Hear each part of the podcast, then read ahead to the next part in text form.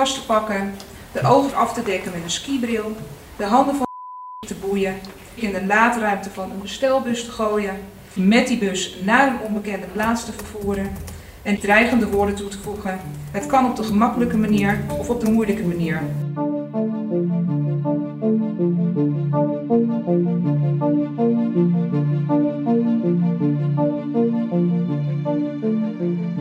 Stel je voor, je loopt ochtends je huis uit en wordt opeens besprongen door schreeuwende politieagenten en in een busje gegooid. En je hebt geen idee waarom ze jou moeten hebben. Mijn naam is Emma Ties en je luistert naar de zaak X. Een podcast van het AD in samenwerking met het podcastkantoor, waarin we wekelijks een spraakmakende rechtszaak bespreken. Met deze week de vergisontvoering van Ibrahim.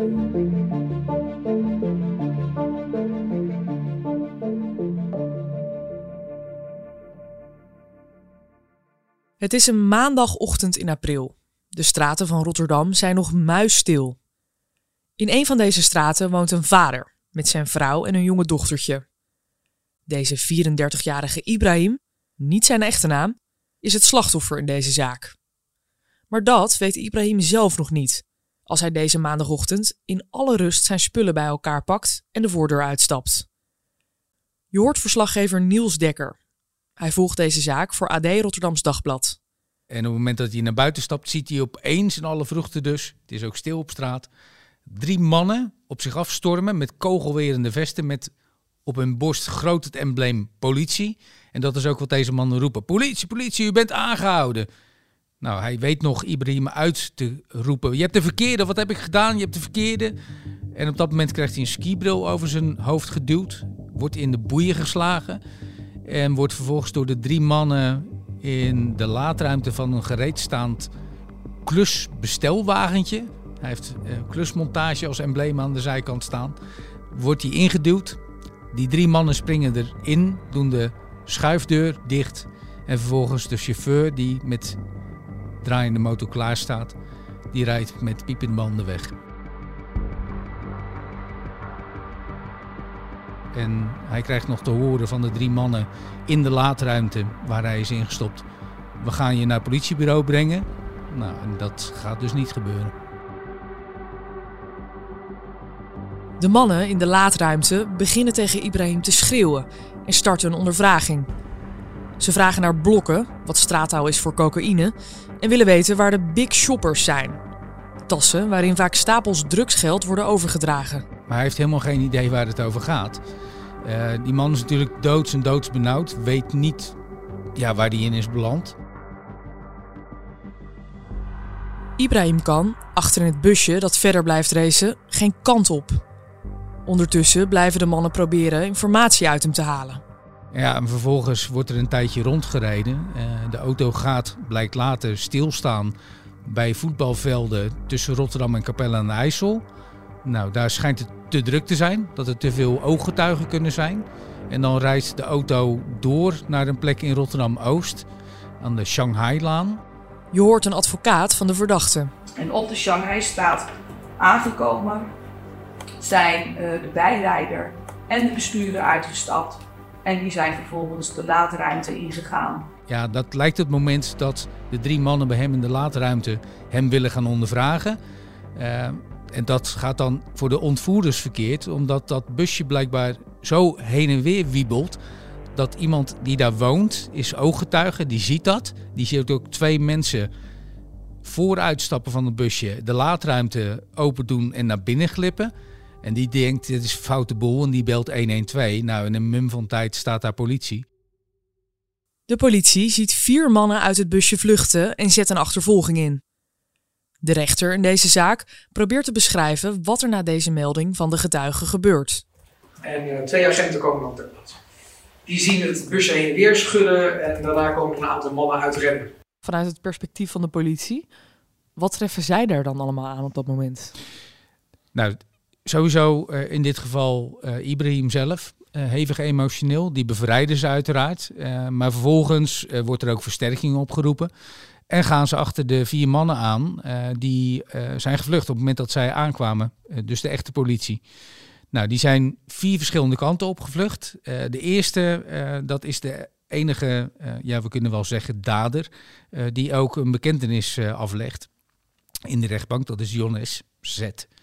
Die hebben ze heel snel te pakken, want die probeert te vluchten, maar die ja, is niet zo handig. Die belandt in de sloot daar. Dus die hebben ze met een nat pak te pakken. Dus dat is de eerste. Verdachte nummer 1 is dus Jonas Z. Hij is de jongste van het stel met 22 jaar en de vermeende chauffeur van het busje. Jonnes is de eerste verdachte die de politie in de boeien weet te slaan. Nog drie arrestaties te gaan. Uh, de meest opvallende daarvan is Guido V. Op aanwijzingen van een andere getuige uh, worden ze in de juiste richting uh, gewezen waar hij heen is gerend. Ze hebben een signalement wat hij aan heeft. En die Guido V vlucht blijkbaar richting een parkje daar in de buurt. Nou, ze komen in dat parkje aan. En daar zien ze iemand met dat signalement bezig met push-ups. Die is training aan het doen. Maar wel in een volledig nat pak ook. Dus uh, ja, daar gaan ze op af. Uh, en die arresteren ze, want ja, dat moet toch wel de man zijn. Guido V., de tweede verdachte, is 32 jaar oud. Het is een breed gespierde man die net iets verder weet te komen dan zijn compaan, Jonne Zet. Opvallend is wel dat Guido sinds deze arrestatie stellig ontkent dat hij ook maar iets met de ontvoering te maken heeft. In de rechtbank heeft hij dan ook een eigen verhaal wat moet verklaren waarom hij geen dader zou kunnen zijn. Maar dat is voor later. De politie is inmiddels ook een derde verdachte op het spoor. Ja, en dat is uh, meneer Faisal B. Uh, die werd een paar uur later werd hij gevonden in een parkeergarage van een naburig ziekenhuis. Volgens justitie heeft hij zich daar gewoon al die tijd verscholen gehouden, want hij werd ook verscholen daar gevonden. De vierde uh, ontvoerder, die er echt wel moet zijn geweest, uh, die hebben ze echt niet kunnen vinden. Uh, ook niet met het onderzoek, uh, tappen van telefoons, et cetera. Maar Guido V, Faisal B en Jonne Z waren de drie die in de rechtbank verschenen. Na de ontvoering van Ibrahim zijn dus al snel drie verdachten opgepakt. Faisal, Guido en Jonnes. Actie mislukt, zou je denken. Daar komt ook nog eens bij dat de politie er al snel achter komt dat de ontvoerders ook nog eens de verkeerde man hebben ontvoerd. Ze moesten Ibrahim niet hebben. Ibrahim heeft niks met de drugs te maken. De mannen zijn dus opgepakt voor een vergisontvoering. De actie is mislukt, maar dat betekent niet dat de mannen niet strafbaar zijn. Deze drie verdachten heb jij in de rechtszaal gezien. Kun je ons eens meenemen in hoe dat ging? Ja, nou, we weten niet wie het is, maar het begon rumoerig. Want verdachten worden, als ze gedetineerd zijn, dus als ze vastzitten, uh, in voorlopige hechtenis zitten, worden ze voor een rechtszaak worden ze aangevoerd. In de Rotterdamse rechtbank, waar deze zaak diende, is dat een soort, soort zijingang in de zaal. Uh, en de deur ging open. Uh, het zijn drie gedetineerden die dan één voor één door pakketpolitie naar boven worden gebracht. Maar uh, wij als pers en de aanwezigen, onder wie het slachtoffer en zijn vrouw en een vriendin, die hoorden heel veel gedoe en rumoer en gescheld met het nare K-woord ook. Wie het is geweest van de drie weten we niet, maar het duurde even dat ze naar boven kwamen. En vervolgens uh, kwamen uh, meneer Jonneset, Faisal B. en tot slot de breed ge gespierde Guido V. de rechtbank binnengelopen. En vervolgens kwam Guido V. bij de rechtszaak tegen de rechters met een wel heel bijzondere verklaring. Waarom hij niet een van de verdachten was. maar waarom hij daar wel in een natpak aan de, aan de workout zat. En dat was? Hij zei dat hij daar in de buurt was, eh, want hij woonde heel ergens anders. Dus dat, eh, waarom ben je in de buurt van die ontvoering? Uh, hij zei, ja, ik heb daar een minnares in de buurt wonen. En hoe heet die vrouw? Ja, dat kan ik niet zeggen. Ik heb zelf ook eigenlijk een vrouw, dus uh, is niet mijn vrouw, vrouw waarmee ik uh, daarin sta, was een andere vrouw. Wil dan niet zeggen wie, want hij heeft ook thuis gewoon een vrouw. En hij zegt, ja, dus uh, ik was daar geweest en vervolgens doe ik dan in dat park wel eens gewoon mijn training. Is inderdaad een brede, gespierde gozer. Uh, en ja, dan werd er ook gevraagd door de rechters, uh, ja, maar hoezo, je stinkt naar slootwater, hè, want dat hadden de agenten geroken toen ze hem oppakten. hoe kan dat? Waarom ben je drijf en drijf nat? En hij zegt, ja, dat doe ik om meer gewicht te krijgen, zodat mijn push-ups ook zwaarder worden. Dus dat mijn training zwaarder wordt. Ja, als je het mij vraagt, maar ik ben geen rechter, een nogal merkwaardige verklaring. Maar eh, dat is wel de verklaring die hij gaf. Nou, en dan wierpen de rechters hem ook nog voor de voeten. Ja, maar in de bestelwagen waarmee Ibrahim is ontvoerd, lag een mobiele telefoon. En daarin stond onder de naam, eh, de, naam van jouw vriendin. Hoe kan dat dan? Dat moet toch jouw telefoon zijn? Het was een iPhone. En hij zei: Nee, eh, ik heb geen iPhone. Nou, misschien niet de sterkste verklaring. Maar toen kwam het volgende. Dat was wel opmerkelijk dat hij eh, zei: Ja, mijn vriendin staat niet onder haar eigen naam in mijn telefoon. Want die heb ik er altijd in staan als vrouwtje. Want ik noem haar altijd vrouwtje. Nou, dat is het verhaal van Guido V. Waarom hij zegt: Ik ben onschuldig. Ik heb er niks mee te maken. Verdachte Faisal, de verdachte die verscholen zat in een parkeergarage, heeft het lastig in de rechtbank. Ook hij ontkent wat met de ontvoering te maken te hebben gehad, maar de politie heeft zijn DNA op de tape gevonden die werd gebruikt om Ibrahim vast te tapen. Uh, ja, en daarvan was zijn verklaring: uh, ik was in die garage, maar ik heb er helemaal niks mee te maken. En dat DNA, ja, ik heb mijn bestelbusje een keer uitgeleend. Ander bestelbusje trouwens dan de wagen waarmee het slachtoffer is uh, ontvoerd.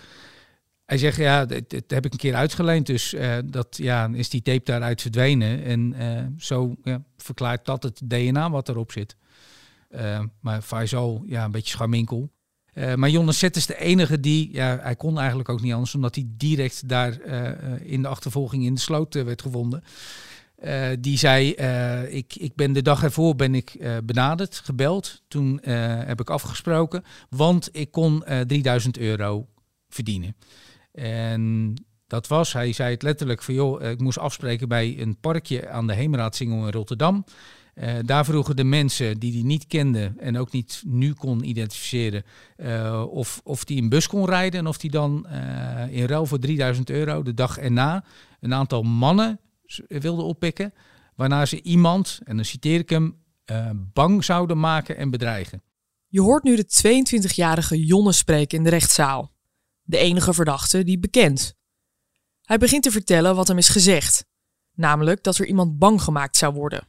Maar Jonnes wist niet dat het zo uit de hand zou lopen, zegt hij. De rechter vraagt wat hij dan in dat busje deed. Ik heb. Oh, Kunt u iets harder praten? ik heb die bus gereden. U heeft de bus wat? Gereden. En Oh. daarna ben ik op de bijrijdersstoel gaan zitten. Ah, oké. De advocaat van Jonnes vertelt verder. En natuurlijk wist mijn cliënt wel dat het geen zuivere koffie was. Wat dat betreft heeft hij denk ik vandaag niet geprobeerd zijn verhaal mooier te maken dan, uh, dan het was. Hij beweert dat wat er daarna gebeurde, dus het zo ruw van straatpakken van slachtoffer Ibrahim, hem een skibril opdoen, hem boeien en hem uh, ja, in de laadruimte ondervragen, dat hij zei, ik wist niet dat het zo uit, uh, uit de hand zou lopen. En hij zegt dus ook dat hij die andere twee verdachten eigenlijk niet al kende. Nee, ze zeggen alle drie van elkaar dat ze elkaar niet kennen. Ja, ik vind dat ergens wel begrijpelijk. Want het is vandaag de dag levensgevaarlijk om uh, namen te noemen. Cliënt is heel actief op uh, social media geweest. Hij leest ook de krant. Hij kijkt ook naar misdaadsites. Hij kijkt ook naar de journaals. En wat je daar steeds uit op kunt maken is wel het noemen van namen. Dat kan leiden tot wraak. Waarbij niet alleen de verklikker, maar ook familieleden het mens de dood moeten bekomen. En je zegt net van ja, Jon is eigenlijk degene enige die ja, toegeeft dat hij erbij betrokken was. Zeggen Faisal en Guido wel iets in de rechtszaal? Ja, maar vooral excuses of argumenten uh, waarom justitie uh, de vergissing begaat in hun ogen door hen aan te merken als verdachte. Oftewel uitleggen van ja, waarom waren ze dan wel in de buurt. Uh, Faisal B is ook toen die in de gevangenis zat, zijn er ja, blijkbaar doen gedetineerden dat toch nog steeds. Dat er gesprekken worden gevoerd, telefoontjes worden gepleegd. Gewoon met de gevangenistelefoon, maar die worden getapt, worden afgeluisterd. Nou, dat heeft justitie ook, menen zij, als bewijs dat hij praat met iemand over uh, wat hij kan zeggen, waarom hij daar in de buurt was. Uh, maar goed, in een van die gesprekken beweert Faisal B. ook uh, dat hij niks gedaan heeft. Dus ja, dat zou dan weer pleiten voor zijn mogelijke onschuld.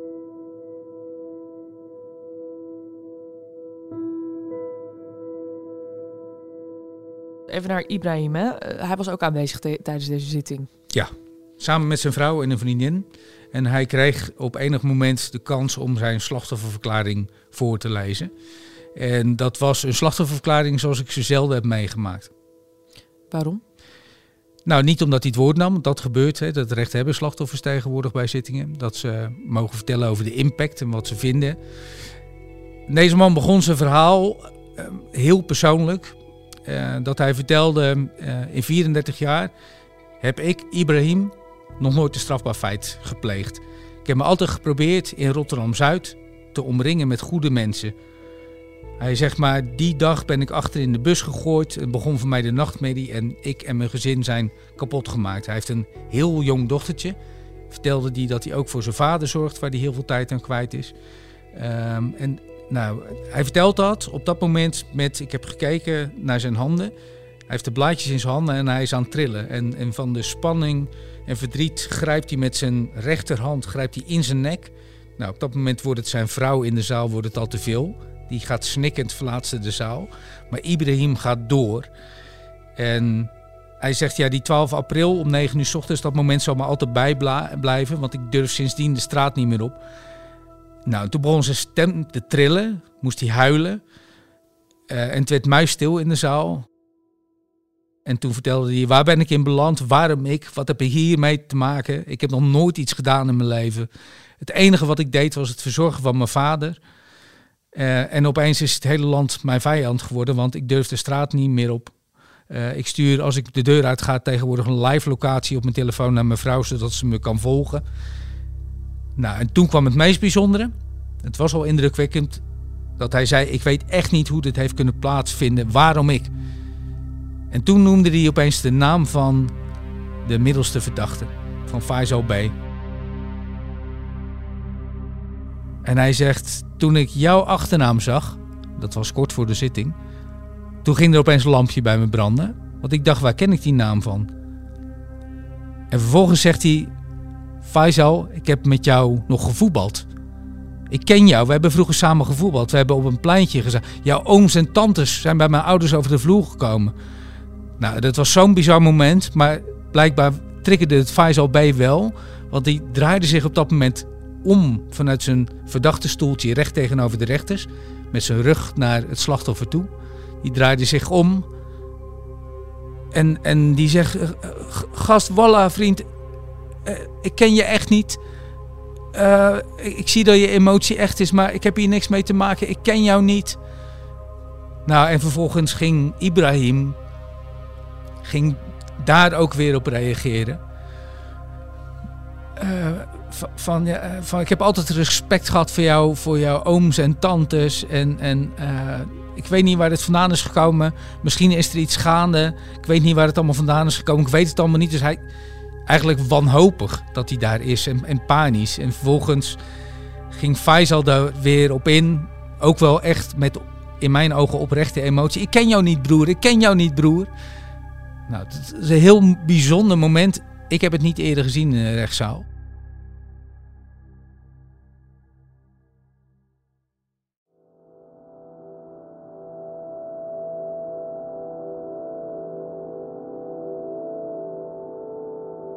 Waar worden deze drie nou uiteindelijk van verdacht?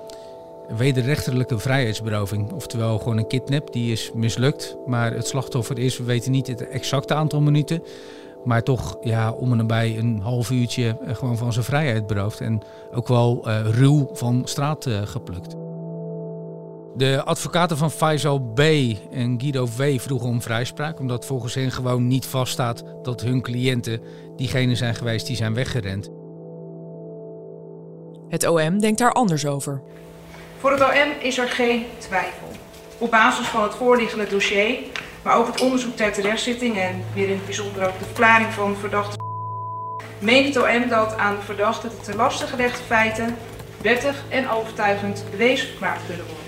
De strafeisen waren uiteindelijk 30 maanden, waarvan 10 voorwaardelijk tegen Faisal B. en Guido V. En tegen de jongste verdachte, tegen Jonas Z, was de strafeis iets lager.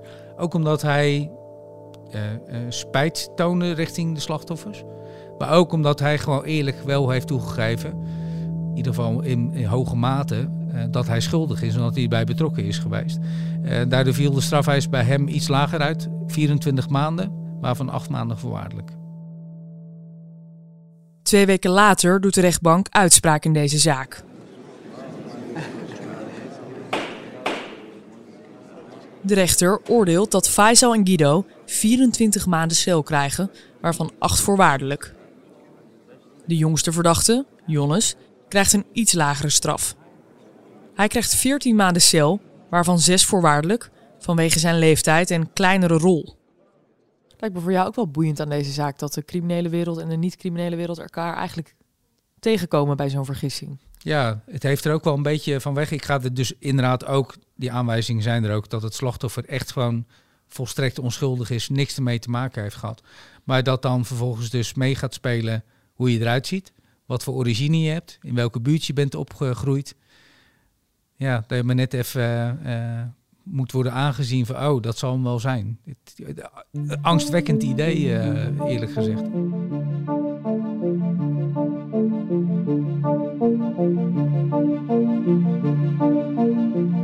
De Zaak X is een wekelijkse podcast van het AD en deze aflevering werd gepresenteerd door mij, Emma Ties.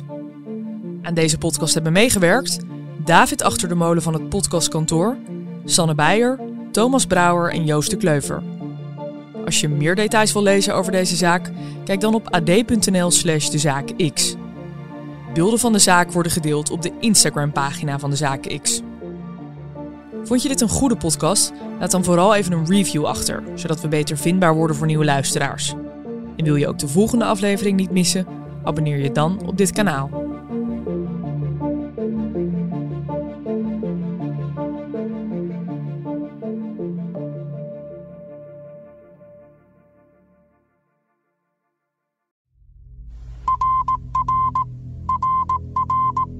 Sveriges statsminister Olof Palme är död.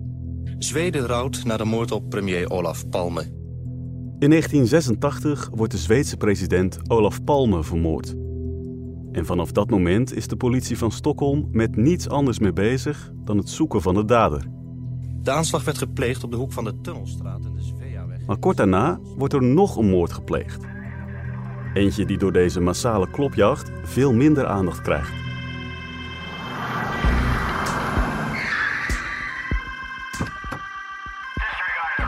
Het is een moord in huiselijke kring, ergens in een buitenwijk van Stockholm.